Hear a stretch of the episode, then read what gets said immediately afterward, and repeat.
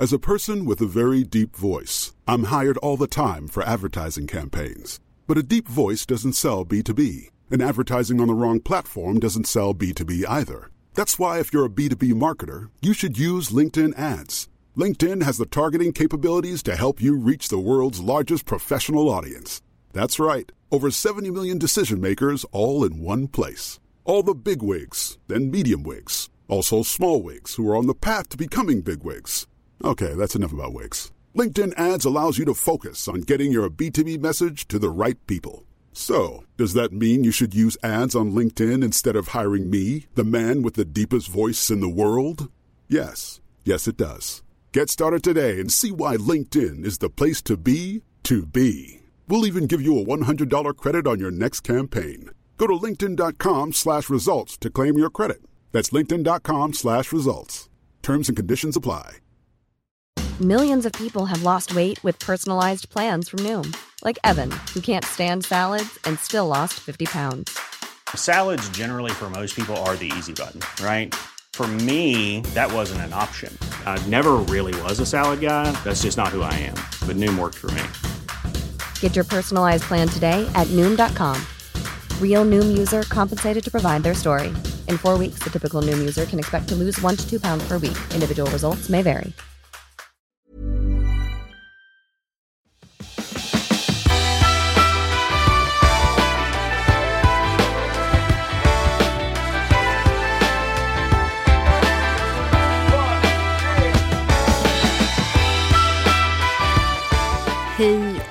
Hjärtligt välkommen till Klimakteriepodden med mig Åsa Melin. Avsnitt 173 har vi kommit fram till. Jag får ofta känslan av att nu har vi väl ändå sagt allt, men så hör eller läser jag något, upptäcker något nytt i mig själv eller med mig själv och så leder nyfikenheten vidare eller så är det någon av er som lyssnar som kommer med något litet instick. Det är så kul att eh, du är med och delar kunskapen. Det hade känts lite onödigt att bara ha den för mig själv. Så att, eh, ja, kanske du också har någon att dela den vidare med. Då blir jag ju jätteglad om fler kvinnor får kunskap som gagnar välmående.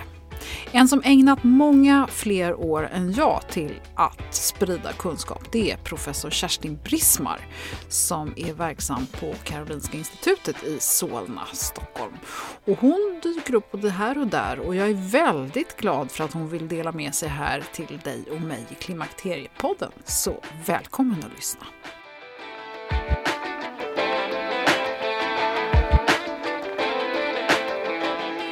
Då önskar jag Kerstin Brismar hjärtligt välkommen till Klimakteriepodden. Tack så mycket. Du är professor i diabetesforskning vid Karolinska institutet och du har arbetat väldigt mycket med vårt hormonsystem och det metabola syndromet. Just det. Och så har, du, så har du nu skrivit en bok som jag har fått förmånen att läsa som heter Lev länge och väl. Kan du inte berätta lite grann Kerstin vad du har ägnat ditt liv åt och vad du brinner för? Ja, jag är, in, jag är inte bara diabetesforskare, jag är endokrinolog, alltså specialist på alla hormoner kan jag säga i kroppen. Och jag började som gynekolog en gång i tiden och blev intresserad. Det här var alltså i slutet på 60-talet, väldigt länge sedan. Men blev då mycket intresserad av hormoner och kom till Karolinska sjukhuset där man hade den enda kliniken som bara ägnade sig åt hormonsjukdomar och fastnade där. Eh, så jag har hållit på då hela livet och haft patienter och det är patienterna som har stimulerat min forskning. Det som jag är nyfiken på, som jag tror att de som lyssnar på det här är, är ju att risken för många sjukdomar eskalerar ju med åldern och just kring klimakterieåren så är ju brukar man ju säga är en riskålder för många debuter. Kan du inte berätta lite mer om vad är det som händer i kroppen? Varför blir vi lite ömtåliga, får jag säga så? Ja, kan vi säga. Eh, ja, alltså våra östrogener, våra kvinnliga könshormoner, skyddar oss från en mängd olika sjukdomar, hjärt-kärlsjukdom till exempel. Eh, bättre sårläkning är en annan sak som jag har varit intresserad av. Eh, välmående i största allmänhet, bättre sömn, bättre tolerans mot allt möjligt. Och det är ju sannolikt beroende på att vi, så länge vi är fertila och kan skaffa barn, så ska vi kunna ta hand om dem också. Sen när vi kommer in i klimakteriet då börjar de här hormonerna svaja upp och ner. Vi har oftast inte ägglossning då utan vi har en obalans mellan det här vi kallar för ägglossningshormonet, progesteron och östrogener. Och, och framförallt så minskar östrogenerna gradvis. Och då förlorar vi skyddet för eh, en mängd sjukdomar. Så då börjar vårt kolesterol att stiga, det är en sak som östrogenerna håller nere. Och vi ökar då risken för hjärt-kärlsjukdom, framförallt eh, diabetes. Och det, det här vi kallar för metabola syndromet och det ingår, det är kopplat till insulinokänslighet, okänslighet för insulin. Och, det, och varför får vi det då? Där kan det vara östrogenerna som också spelar roll, framförallt för okänslighet för insulin i levern. Och det här leder till att vi, våra blodfetter ökar lite och vi samlar på oss fett. Våra fettceller suger åt sig det vi äter helt enkelt. Och det är väldigt tråkigt och då går vi upp i vikt och framförallt midjemåttet ökar och bukfettman ökar lite grann och det bidrar också till den här insulinokänsligheten. Så det är väldigt komplext men största boven är faktiskt att vi förlorar våra östrogener. Och, och, om man då tänker på vad man ska göra för att hålla sig frisk då, finns det någonting vi kan göra? Ja, det kan vi alltid. Vi kan alltid göra något.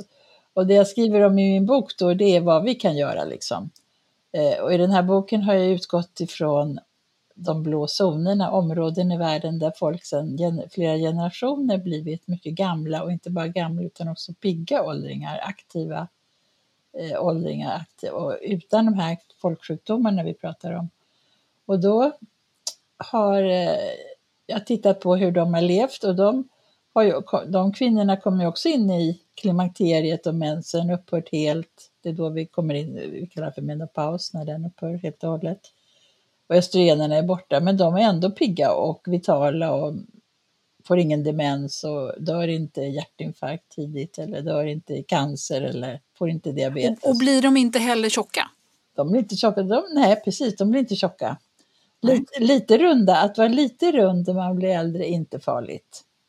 Det är lite farligare när man är medelålders kanske, men när man är, kommer över 60 så är inte, då, då får man vara lite rundare. Mm. alltså, några kilo mer. Och jag brukar säga eh, längden minus 100 i kilo. Så att är du 1,67 så kan du väga 67 kilo, 68, 69 utan att det är något problem. De här kvinnorna i de här blåa zonerna ja. eh, som blir äldre och hälsosamma och sådär. Har du någon aning eller vet man överhuvudtaget i vilken utsträckning de eventuellt eh, tar östrogentillskott? Det tar de inte alls eh, i stort sett utan där kan jag tänka mig att det kanske är deras, de lever ju på Alltså de är ju vegeta inte vegetarianer men deras baskost är, är från växtriket. Och det är mycket örter och grönsaker av alla slag och frukter och sen är det proteintillskott som kommer från får eller fisk eller baljväxter också vegetariskt. Eller kött som är, kan då vara rött kött så att säga, men lite mer sparsamt. Ägg är vanligt, eh, också proteinkälla. Men här i de här växtriket så finns det också östrogenliknande eh, preparat, typ sojaprodukter har östrogenliknande effekter. Så jag kan tänka mig att det bidrar, det som de får i sig från ja, växtriket. Mm. Ja, men det är ju jättespännande. Det här med högt blodtryck då och hjärt-kärlsjukdomar, är det alltså också länkat till den här hälsosamma livsstilen generellt? Just det, det är det för att det, hur ska man undvika, alltså då kan vi säga två saker. Det finns såklart eh, ärftligt risk att drabbas av högt blodtryck, då kan man titta i sin familj. Finns det många som har högt blodtryck där, då har jag också en högre risk. Eller har någon dött i hjärtinfarkt före 80 års ålder, då har jag också en högre risk. Och så vidare. Och har, någon, och har de diabetes har jag också en högre risk. Men man kan undvika att få sjukdomarna även om man har en risk, även om man har ett, ett arv så att säga. Och det gör man genom livsstilsförändring och då har vi sett att de både högt blodtryck, hjärt-kärlsjukdom och då pratar jag om hjärtinfarkt men även stroke eh, och hjärtsvikt till exempel, förmaksflimmer, eh, det kan man då minska risken om man inte röker och det gör inte de i de här områdena. Det är en väldigt viktig riskfaktor som man ska undvika då. Eller sluta så fort man kan och inte heller använda snus faktiskt, har det visat sig. Eh, så tobak är farligt. Och sen är det att man rör sig, att man är fysiskt aktiv, att man, att man är uppe på benen och går. Man behöver inte, man bara är, är aktiv helt enkelt. Och det andra är att man väljer de här växt, vad heter det, maten, kosten som är väldigt bra. Och då är det viktigt att de här har ju inte raffinerat mjöl. De äter inte vitt mjöl överhuvudtaget utan det är väldigt fiberrikt och fullkornsrikt. Eh, och de har, ing, har, eh, socker använder de inte alls utan det söta får de i sig via frukter till exempel.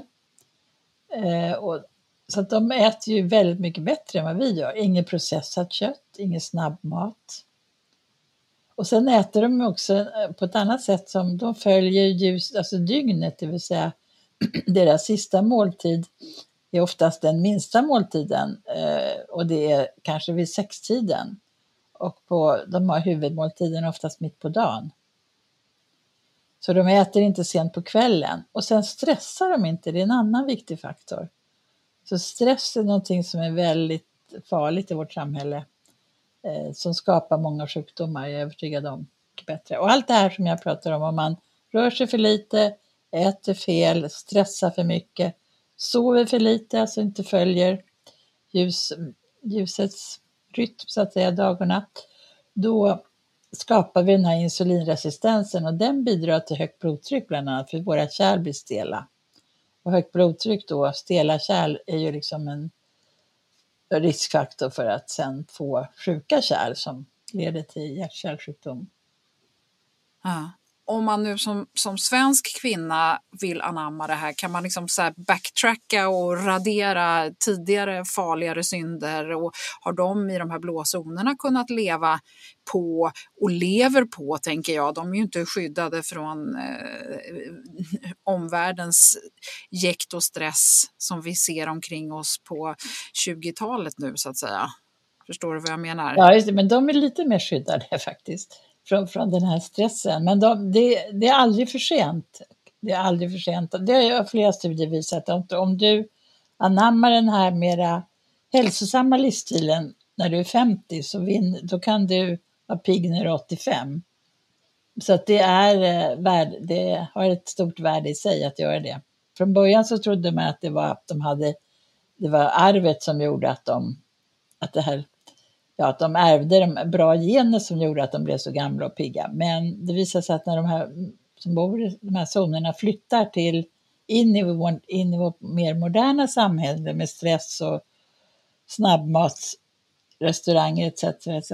Då blir de lika sjuka som alla andra. Ja. Så då, då, det, är inget, det är inget genetiskt skydd utan livsstilen är superviktig tycker det låter väldigt hoppfullt att det aldrig är för sent heller. Nej, att det nej. så att säga får ganska snabbt effekt. I, i din bok eh, Lev länge och väl så finns det ganska få pekpinnar. Ja. Eh, och du, du sätter ribban, tycker jag, då ganska lågt eh, och, och, verkligen poängterar det här med att mindre förbättringar är verkligen eh, ger, gör skillnad om vi då ska dra det till den andra ytterligheten så har du redan nämnt det här med rökning. Men vad, vad mer är det värsta man kan utsätta sin hälsa för som just kvinna 50 plus? Det är lite svårt att gradera det här tycker jag. Men en annan sak som vi gör mer nu än vi gjorde för 20 år sedan, kanske 10 år, Vi dricker mer vin, framförallt vin. Och eh, många kanske daglig vinkonsumtion.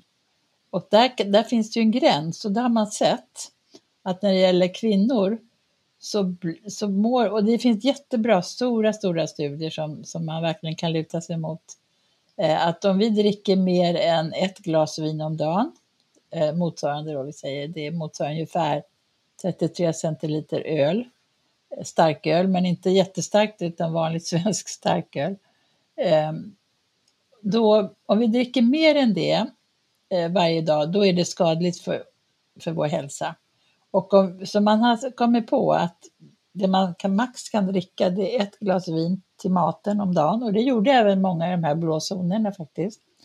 Eh, men inte mer. Och sen på helgen kan man dricka två glas vin. Alltså nio glas per vecka, inget mer. Mm. Och på sikt, om man, om man inte gör det här, då får man faktiskt, dels påverkar man blodfetterna negativt, man ökar sitt blodtryck, man ökar sin puls, alltså man, man sämre kondis. Man kan få leverskador och man får eh, cancer av olika slag så att, och man får hjärtflimmer, vanlig orsak, eh, vindrickande. Och demens förstås, alltså hjärnan påverkas negativt. Så att sömnen är väldigt viktig. Vi sover sämre och oroligare. Men det som man inte får faktiskt om man dricker för mycket, det är hjärtinfarkt. Det är det enda det skyddar emot. Okej. Men allt det man- andra, allt det andra. Ja, då får man titta på sina gener först då, innan man bestämmer Ja, sig för precis. taktiken. Ja. Men det är det enda jag tycker man ska vara vaksam på liksom, eftersom vi, vi röker ju inte längre, men vi, vi har ju behov av att slappna av, eller hur? Eller många väldigt känd, har den här kroniska stressen och hela tiden, ja, man liksom jagar på i livet, på, både hemma Jo, men alltså, har vi också mycket det här att man ska, man ska få unna sig. Nu har jag Ja, haft det så precis. Mm. jobbigt och nu har jag stressat så mycket och nu har jag fått det här gjort. Nu måste jag få unna mig någonting och då är det så kopplat till saker vi äter ja, och precis. dricker. Ja, precis. Eh, Istället för att liksom tänka nu kan jag unna mig en promenad i skogen. Det är inte så många som liksom, eh, tittar på det på det sättet. Och det är det absolut bästa tycker jag själv. För jag, även jag har ju varit stressad i livet och väldigt stressad och tagit på mig för många uppgifter och eh, känner att tiden räcker inte till etc. Och då, då är den bästa, bästa, vad ska jag säga, eh, det som gör att jag känner, gör, gör att jag mår bra, det är att ta en promenad i sko- en park eller en skog. För mig är det Hagaparken, det är jättefint. Så då, då försvinner alla bekymmer. De blir väldigt små och hanterbara så att säga. Man får perspektiv. Mm. Bland alla de tusentals kvinnliga patienter du har träffat, var tror du oftast problemet ligger till den sviktande hälsan och varför tror du att det är så svårt för många att göra förändringar? Jag tror att många vill, alltså de kom, som kommer till mig, de kommer till mig för att de vill göra, de vill må bättre. Eh, och jag får många patienter som kommer även för att höra om livsstilsfrågor faktiskt. Eh, att, vad de kan göra själva. För man, behöver vägledning, man behöver någon som håller en lite i handen, man behöver en coach. Man behöver någon som stöttar och stimulerar en och framförallt behöver man någon som talar om för en att du måste också prioritera dig själv. För väldigt många kvinnor prioriterar inte sig själva utan alla andra runt omkring dem och det kanske ligger i, vår, i våra X-kromosomer att vi gör det. Men vi måste också för att må bra och kunna ta hand om våra nära och kära när, när de blir äldre och vi blir äldre också vara ska säga, funktionsdugliga så måste vi prioritera oss själva lite mer. Så det tycker jag och jag tror att många kvinnor om de bara inser det att jag får säga nej. Jag får ta den här promenaden i skogen. Jag behöver inte fixa med annat hemma eller någonting. Jag får ta time-out ibland. Och sen att ändra sin kost, det är ju kanske för en del det lättaste att göra små förändringar. Att eh, sluta röka är jättesvårt, men det går. Jag har själv varit rökare och det gick jättebra. Jag kan inte identifiera mig som rökare överhuvudtaget nu. Så att man kan ju göra alla de här förändringarna, men man behöver någon som är med på vägen liksom och, och uppmuntrar en. Och, och grundproblemet till den sviktande hälsan, tror du att det är då precis det, ditt resonemang då med att man inte har prioriterat sig själv? Är det det som är grunden? jag tror att det är grunden. Mm. Det tror jag faktiskt. Vill du lägga till ett resonemang här kring det här med hormoner och klimakteriet när, när det här börjar wobbla och Ja. eh, kommer till som en ytterligare faktor? Väldigt många symptom eh, som man får i den här 50-årsåldern då hormonerna börjar svänga. Det beror ju på att östrogenerna minskar framför allt. Och då, det är sömnen som störs, man får dålig sömn, man får humörsvängningar, man går upp lite grann i vikt, man lägger på sig midjan framför allt och man eh, får alla möjliga, liksom, man blir nedstämd, man får lite sämre koncentrationsförmåga. Eh, så att man får massor av symptom då som kan förvärras av ytterligare av stress till exempel eller att du äter fel. Det, kosten är superviktig också för det här med inflammation i kroppen och smärtproblematik och så.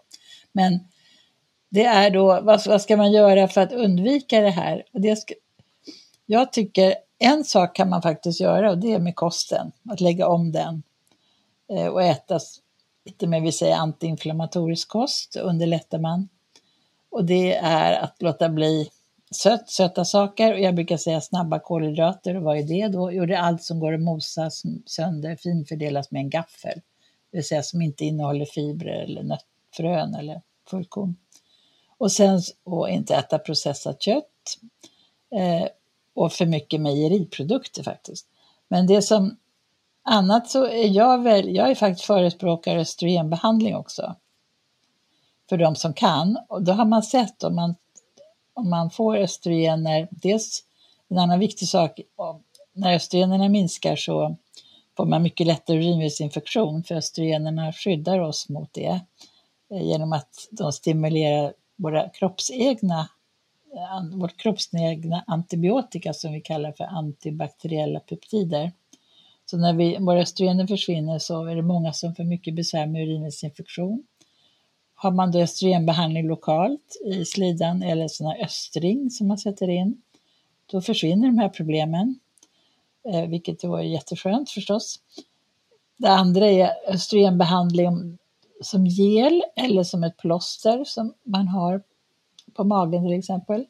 Det gör att du får mycket bättre sömn, du mår bättre, du får tillbaka din energi, du känner att du kan komma ihåg saker bättre och koncentrationen förbättras.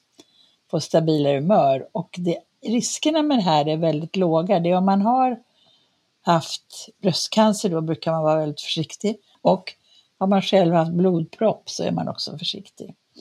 Här kan man diskutera med en gynekolog. Man har sett i stora, stora studier att det är inte farligt utan snarare skyddar dig, dig mot hjärt-kärlsjukdom och även diabetes.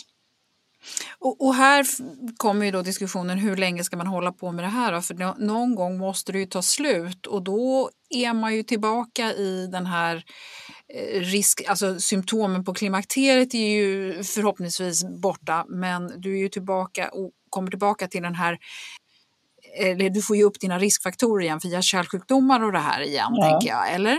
Jo, det är sant. Eh, men man kan hålla på jättelänge, till man är 80, 85, det går bra.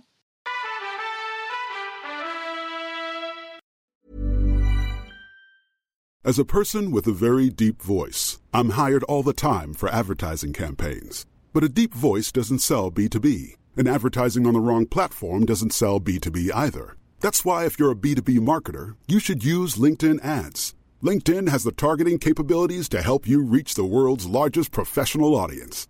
That's right, over 70 million decision makers all in one place. All the big wigs, then medium wigs, also small wigs who are on the path to becoming big wigs. Okay, that's enough about wigs. LinkedIn ads allows you to focus on getting your B2B message to the right people. So, does that mean you should use ads on LinkedIn instead of hiring me, the man with the deepest voice in the world? Yes. Yes, it does. Get started today and see why LinkedIn is the place to be to be. We'll even give you a $100 credit on your next campaign. Go to linkedin.com slash results to claim your credit. That's linkedin.com slash results. Terms and conditions apply. Normally, being a little extra can be a bit much, but when it comes to healthcare, it pays to be extra.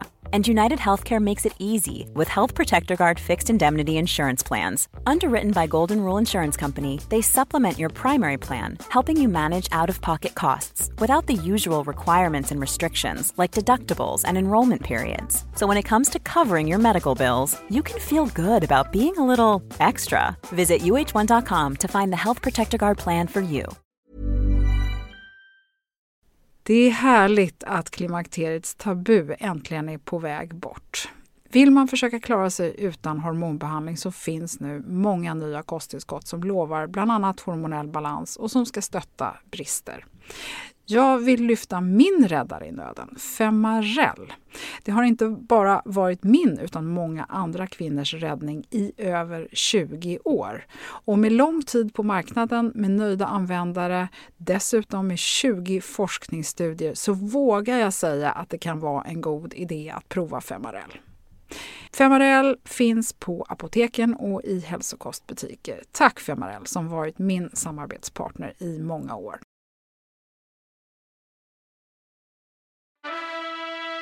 Du var inne lite på det här med tarmhälsan, för nu plötsligt så ska vi tänka på våra tarmar och tarmbakterier. Kan du inte berätta, det kommer så otroligt mycket spännande forskning nu som eh, kanske inte kommer trickla ut till gemene man på bra många år än, men ni som är insatta, vad, vad vet ni, vad ser ni, vad tror ni? Ja, det vi, det vi vet, alltså det har man vetat ganska länge faktiskt, eh, det är att om vi har, om vi har en Alltså vi har jättemånga bakterier i vår tarm som hjälper oss att eh, finfördela maten, att ta upp nyttiga ämnen och, och skydda oss från farliga bakterier och farliga virus också som hamnar i tarmen. Så att bakterierna hjälper oss och de är ju väldigt stort antal och många olika sorter som har olika funktioner. En sak, det finns en skyddande, vad ska man säga, ett lager av bakterier och som skyddar våra slemhinnor i tarmen och skydda för att det kommer in farliga ämnen i blodet. Eh, och när vi äter fel och vi får felakt, de här elaka säger vi bakterierna då, som får bli överskott, då försvinner den här skyddande hinnan och då kommer det ut ämnen i blodet som vi kan mäta som kommer från bakterierna. ett kallar vi för LPS. Eh, det är en lipo, polysackarid och den stimulerar inflammation i kroppen och det ger lite förhöjd inflammationsmarkör man kan mäta och det kan göra att man får olika symptom. Det ger den här tröttheten, man kan få värk, smärta, eh, man kan få hjärndimma för det påverkar också, det kan även påverka hjärnan eller hamna där. Så att det stimulerar också vårt immunförsvar på ett negativt sätt. Så att vi det, det vet vi 100 procent att det är så. Och då har vi, försöker man forska på hur ska vi undvika detta? Och jag tror att vår västerländska, eller den här snabbmatskulturen, i och med att vi har så bråttom att vi inte hinner laga mat utan köper halvfabrikat eller går och handlar pizza och, och eh, etc. Du vet, allt vad man kan stoppa i sig som finns i snabbmatsrestauranger. Mm. Att det är, bidrar också till vår ohälsa. Så att det, och det är via de här dumma tarmbakterierna. Så det finns ju mycket nu studier och även jag har gjort en liten studie på det. Där man ändrade på kosten och fick att då mådde ju personerna mycket, mycket bättre. Eh, psykiskt och fysiskt, både och så att säga. Och då fick man en, eh, det, men det tar lite tid så det kan ta för en del kan det ta några veckor bara, för andra kan det ta två månader innan man märker skillnaden. Att ändra på den här bakteriefloran, få tillbaka det här skyddande ska jag säga, lagret som gör att vi inte får in de här inflammatoriska ämnena i blodet. Så det här vet vi idag. Nu håller man på att forska på hur ska man, eh, vad ska jag säga, hur ska man få bättre tarmflora? Och då, då, är ju, då har man ett tag transplanterat eh, avföring i, form av, i små kapslar då från eh, patienter eller personer som är friska och mår bra och har bra tarmflora till de som har en, en dålig. Och det funkar ett tag, men sen om de inte ändrar på sina matvanor, då får de snabbt tillbaks den gamla tarmfloran. Men de flesta av oss skulle ju hellre vilja göra det här med vår kost och då vet jag att du är en förespråkare av medelhavskosten. Det. Och det tror jag att eh, de flesta egentligen vet. Men är det mm. någonting där som specifikt gynnar tarmbakterierna? Eller? Ja, det är enkelt. Färggranna grönsaker. Det här att man säger, för det är grönsakerna fiberrika och så, och färggranna innebär att de innehåller mycket antiinflammatoriska ämnen, antioxidanter. Eh, det är jättebra. Så då stimulerar man, då föder man de goda bakterierna så att säga. Och sen är det eh, typ surat mat, alltså surkål eller yoghurt det tillför goda bakterier. Så eh, man kan tillföra och man kan göda. Mm. Det tycker jag. Men tänk på det, tänk på hemma att man ska alltid äta fem, minst fem olika färger från växtriket så att säga. Ja, och så brukar man ju säga att man ska försöka få i sig minst 25-30 olika växtbaserade produkter per vecka. Eh, har jag läst ja, i alla fall. det är också bra. Ja. Ja, men jag tycker det är en utmaning. Varje gång ja. man handlar så ska man plocka på sig någonting man aldrig har vågat köpa förut ur grönsaksdisken. Ja. Tycker, tycker jag är spännande. Ja. Eh, du, eh, jag är väldigt nyfiken också på, du eh, listar i din bok en hel del, eller du pratar om myter. Mm. Kan du inte bara ge oss några tips på sånt som vi ska vara medvetna om när det gäller myter kring hälsa? Ja, en, en sak är ju att vi inte behöver dricka så mycket vatten hela tiden. Att många, många går omkring med en vattenflaska och dricker. Och jag vet inte varför, men det behöver man inte om man äter normalt så får man i sig den vätska man behöver. Men äldre personer, om man är gammal då, kanske redan efter 75 års ålder, då kanske man inte känner den här, vad ska jag säga, normala törst. Alltså hjärnan styr ju det här via ett centrum som även styr aptiten så styr de vår törst. Så att vi får, de ser till att vi får i, eller hjärnan ser till att vi får i oss tillräckligt med vätska. Och då ska man då förlorar man det lite grann. Så att äldre behöver kanske tänka mer aktivt på att få i sig extra vätska. Men det är en, en myt att man inte ska gå och dricka vatten hela tiden. Det, om det räcker med en och en halv liter per dygn, per dygn. Men och sen den andra myten är att frukost är absolut det viktigaste målet på dagen och det är inte heller så för alla. Utan det är individuellt när vi tycker att vi mår bäst av vad vi äter. En del kan dricka bara en kopp te eller kaffe på morgonen eller vatten och sen så har de, tycker de att det är bättre att äta vid 10-11 tiden. Så där är också en myt. En annan myt tycker jag är intressant att det är farligt att jojobanta. Det är så djurriket och vi har gjort i alla våra tider. Vi äter upp oss när det fanns föda, till exempel eh, frukter och bär och, när, och, och spannmål och när eh, det kommer vinter eller torrperioder beroende på var man bor då så ja, finns det väldigt lite tillgång på föda och då använder man det förrådet man har byggt upp när man så vår kropp är lite gjord för att det här jojobant om vi säger så. Men, men eh, det är ju lite längre perioder, det är ju inte en vecka här och nästa nej, vecka nej, där. Precis, nej. För det finns ju också forskning som stödjer att eh, kroppen alltid strävar efter att vara sitt största jag. Absolut, det finns det. Det finns det absolut och där tar det tid. Och det är också hjärnan som får för sig att det är ju, det, det, alltså det är ju så även i djurriket att man man eh, strävar efter att ha en optimal vikt och för djuren är det det maximala så att säga om man lever i vilda livet, så att säga, vilda, ute i vildmarken och inte är tamdjur. För då, så fort du har obegränsad tillgång på mat, då blir du, för, då blir du tjock även om du är katt eller hund eller människa så att säga. Även, även djuren, våra labbråttor eller våra djur som vi har på zoo och så, de är kraftigare än de ute i, i det vilda. Det beror på att tillgången på mat är för, för stor. Och då för, förlorar vi regleringen. Vi gjorde en studie där vi tittade på möss som hade eh, som har samma genuppsättning som vi i princip, så att de har risk att gå upp i vikt och risk att få diabetes etc. om de äter för mycket. Och då gav vi dem, en, en grupp möss fick vanlig musmat som är mest en blandning av vegetab- ja, både animaliskt och veget- från växtriket då. Men den andra musgruppen fick tillsatt av extra socker och extra fett. Och de som fick det, de började ändra sitt ätbeteende. Efter ett tag så började de småäta hela tiden och sova mindre och äta liksom på dagen då de normalt mest vilade och sov. Så de började småäta kan man säga dygnet runt och de gick ju upp i vikt jättefort. Och totala, det var intressant, det var totala eh, födointaget i viktsmässigt var mindre eh, än de andra mössens intag. Men det var ju mer energität eftersom det var mer fett. Men de, det intressanta var att de, vi tittade i hjärnan då vad som hände. Det, hände. det som hände var att de förlorade förmågan att känna mättnadskänsla och eh, förbränningen minskade också i kroppen. Så hjärnan styr även förbränningen.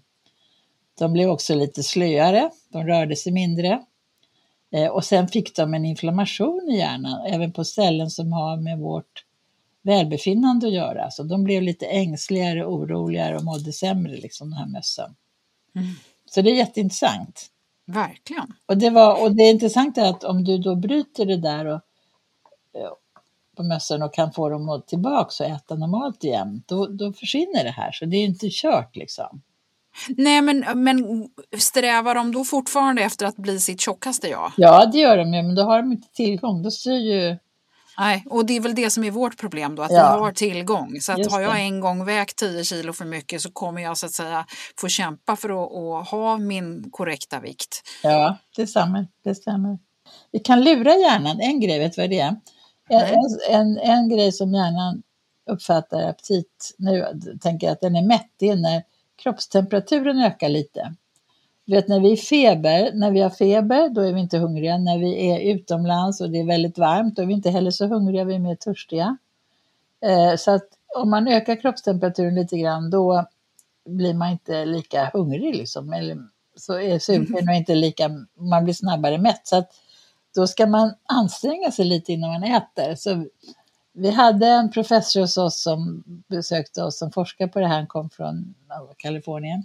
Han, och vi hade vår föreläsningssal eh, då fyra trappor upp på Karolinska. Så han sa, nu ska ni gå alla de här fyra trapporna innan ni äter lunch.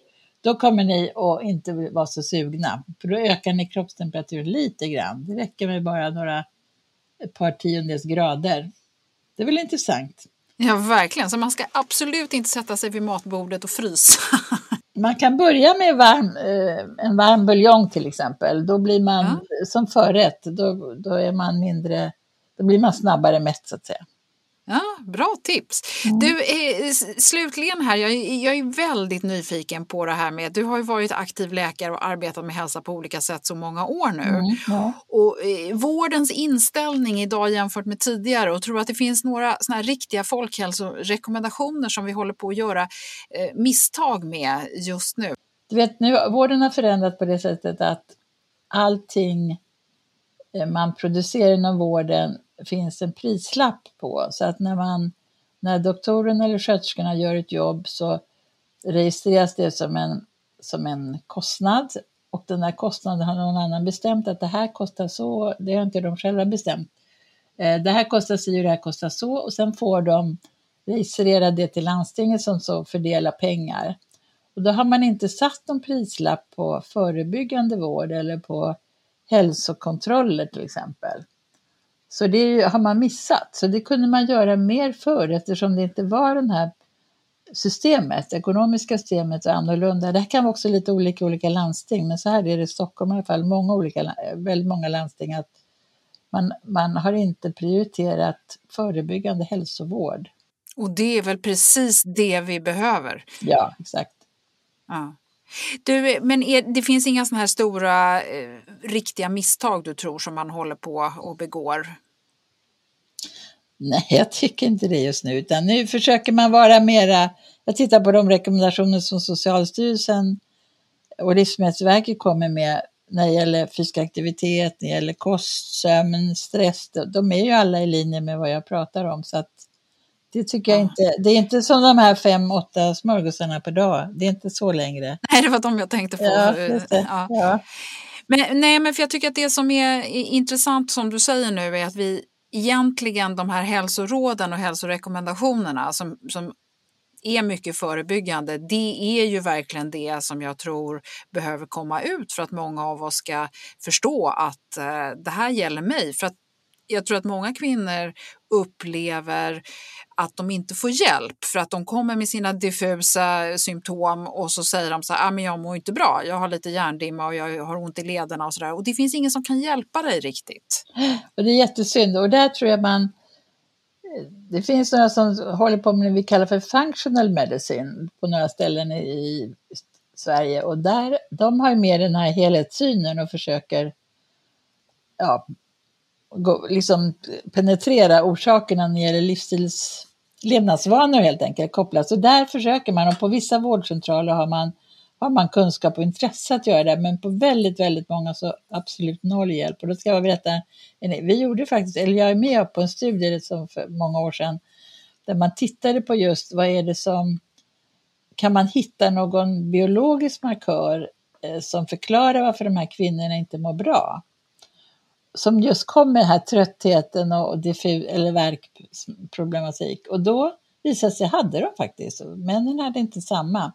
Så de här kvinnorna som hade de här symptomen, de hade en ökad inflammation i kroppen och man tittade på speciella prover som man inte tar rutinmässigt. Eh, så det fanns en klart korrelat till inflammation och då vet vi att det kan också ha med den här kosten att göra och tarmfloran. Och det senaste är att även om du börjar promenera i skogen eller börjar röra dig mera, då kan du också påverka tarmfloran konstigt nog. Så att den här livsstilsfaktorerna, stress har man inte testat ännu, men vi vet att, sömn, att det finns en annan grej och det är att eh, sover vi, vilar, stressar av i perioder och har vår adekvat med sömn, då, har vi, då reparerar vi skador bättre och vi har en, en den här antiinflammatoriska jag ska säga, försvaret aktiveras och blir mycket bättre då så att vi klarar oss bättre. Ja. Ja, det låter, för mig så låter det som att det går inte att komma undan. Det kommer aldrig finnas någon sån här, någon, något, även om du pratar om tarmbakteriepiller kanske i framtiden, det, det kommer ändå alltid komma tillbaka till vad du stoppar i munnen ja, och hur absolut. du lever. Ja. Ja. Kan du inte dela någon sån här härlig och inspirerande framgångssaga eller något koncept som eh, man nu som lyssnare kan känna så här, wow, ja, nu kör vi. jag har många sådana sagor.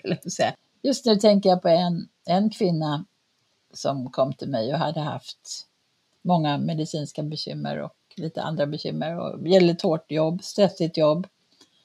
Som också då hade fått en diabetes som åkte, som, alltså typ 2 diabetes. Hade övervikt till lite högt blodtryck, höga blodfetter och trött, verk, mycket värk i leder, värk, besvärlig mage etc. Men då så gick vi in för den här kost, alltså då är det kost, motion och jag har då möjlighet att, jag ofta ser patienterna mycket oftare för att stötta dem, så att det är inte bara en gång per år utan det, det, när jag behöver dem så kan de komma en gång i månaden i början. Och sen fick, då får de även instruktioner via, jag, jag delar ut vilka varor man ska utgå ifrån när man lagar mat och så var det lite motions men hon blev inspirerad och började. Och sen när jag hade min 5.2-studie så deltog hon också i det att två dagar i veckan äta mindre.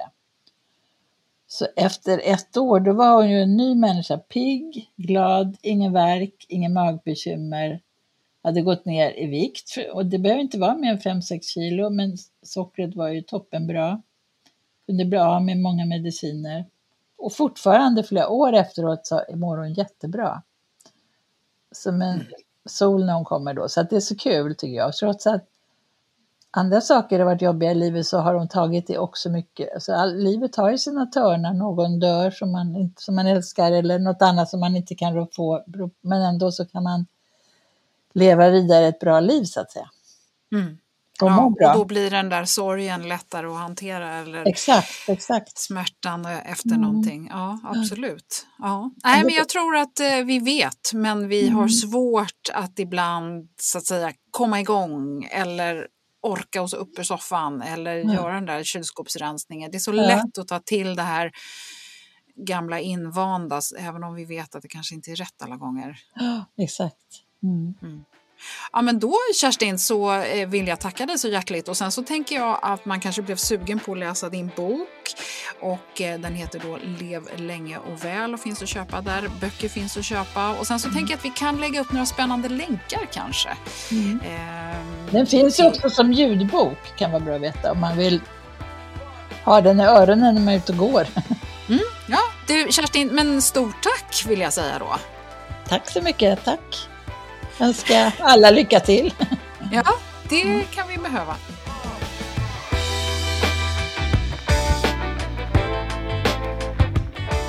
Ja, men visst, som vanligt så finns det länkar som är intressanta och relevanta som ligger under avsnittsinformationen på klimakteriepodden.se och även Facebook-sidan. Och där hittar du också en länk där du kan läsa mer om Kerstins bok Lev länge och väl som hon har skrivit tillsammans med journalisten Marit Andersson. Kerstin nämnde också att det börjar komma in mer av functional medicine, eller på svenska funktionsmedicin-tänk i vården. Och vill du veta mer om vad det är för någonting så talar vi om det i bland annat avsnitt 53 och 154. Och så kommer du förstås ihåg vad Fredrik Nyström sa om vin i avsnitt 171, eller hur? Men vi ska gräva vidare i det här med tarmen och hur den kan påverka oss på kraftfulla sätt som vi fick höra om här. Så i nästa avsnitt så får du möta Henrik Ennart som är vetenskapsjournalist och verkligen satt sig in i det här med forskningen kring tarmens påverkan på vår hälsa och åldrande. Och han är också väldigt intresserad av de blå zonerna som Kerstin pratar mycket om här. Så häng kvar! Prenumerera gärna på Klimakteriepodden i din poddapp så att du inte missar när det kommer ett nytt avsnitt. Hoppas du gillar vad du precis har hört och är med snart igen. Stort tack! Hej då!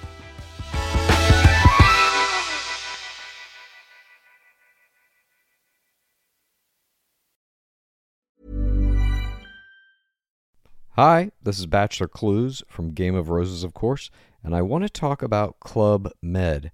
Everybody knows Club Med has been the pioneer of the all inclusive resort since 1950, with almost 70 resorts worldwide, ranging from beachside destinations in the Caribbean and Mexico to exotic locations like the Maldives and Morocco, or even the mountain destinations like Japan and the European Alps.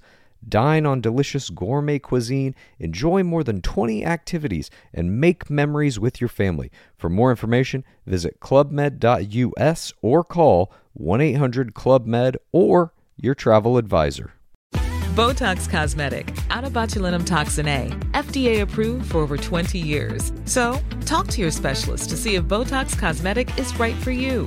For full prescribing information, including boxed warning, visit BotoxCosmetic.com or call 877-351-0300. Remember to ask for Botox Cosmetic by name. To see for yourself and learn more, visit BotoxCosmetic.com. That's BotoxCosmetic.com.